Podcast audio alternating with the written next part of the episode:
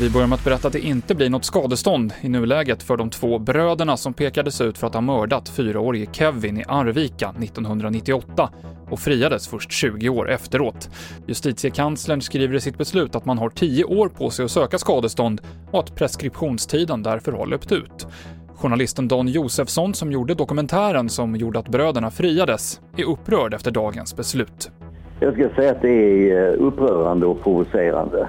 Eh, de här pojkarna har ju inte kunnat komma med några skadeståndskrav eftersom att de var barn när det här hände.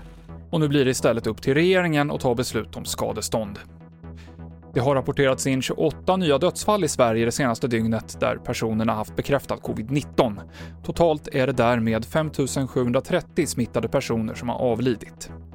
Och den kraftigt nedkylda mannen som var fast i en fjällstuga på toppen av Kebnekaise har nu blivit undsatt av fjällräddare som tog sig till platsen med hjälp av polishelikopter.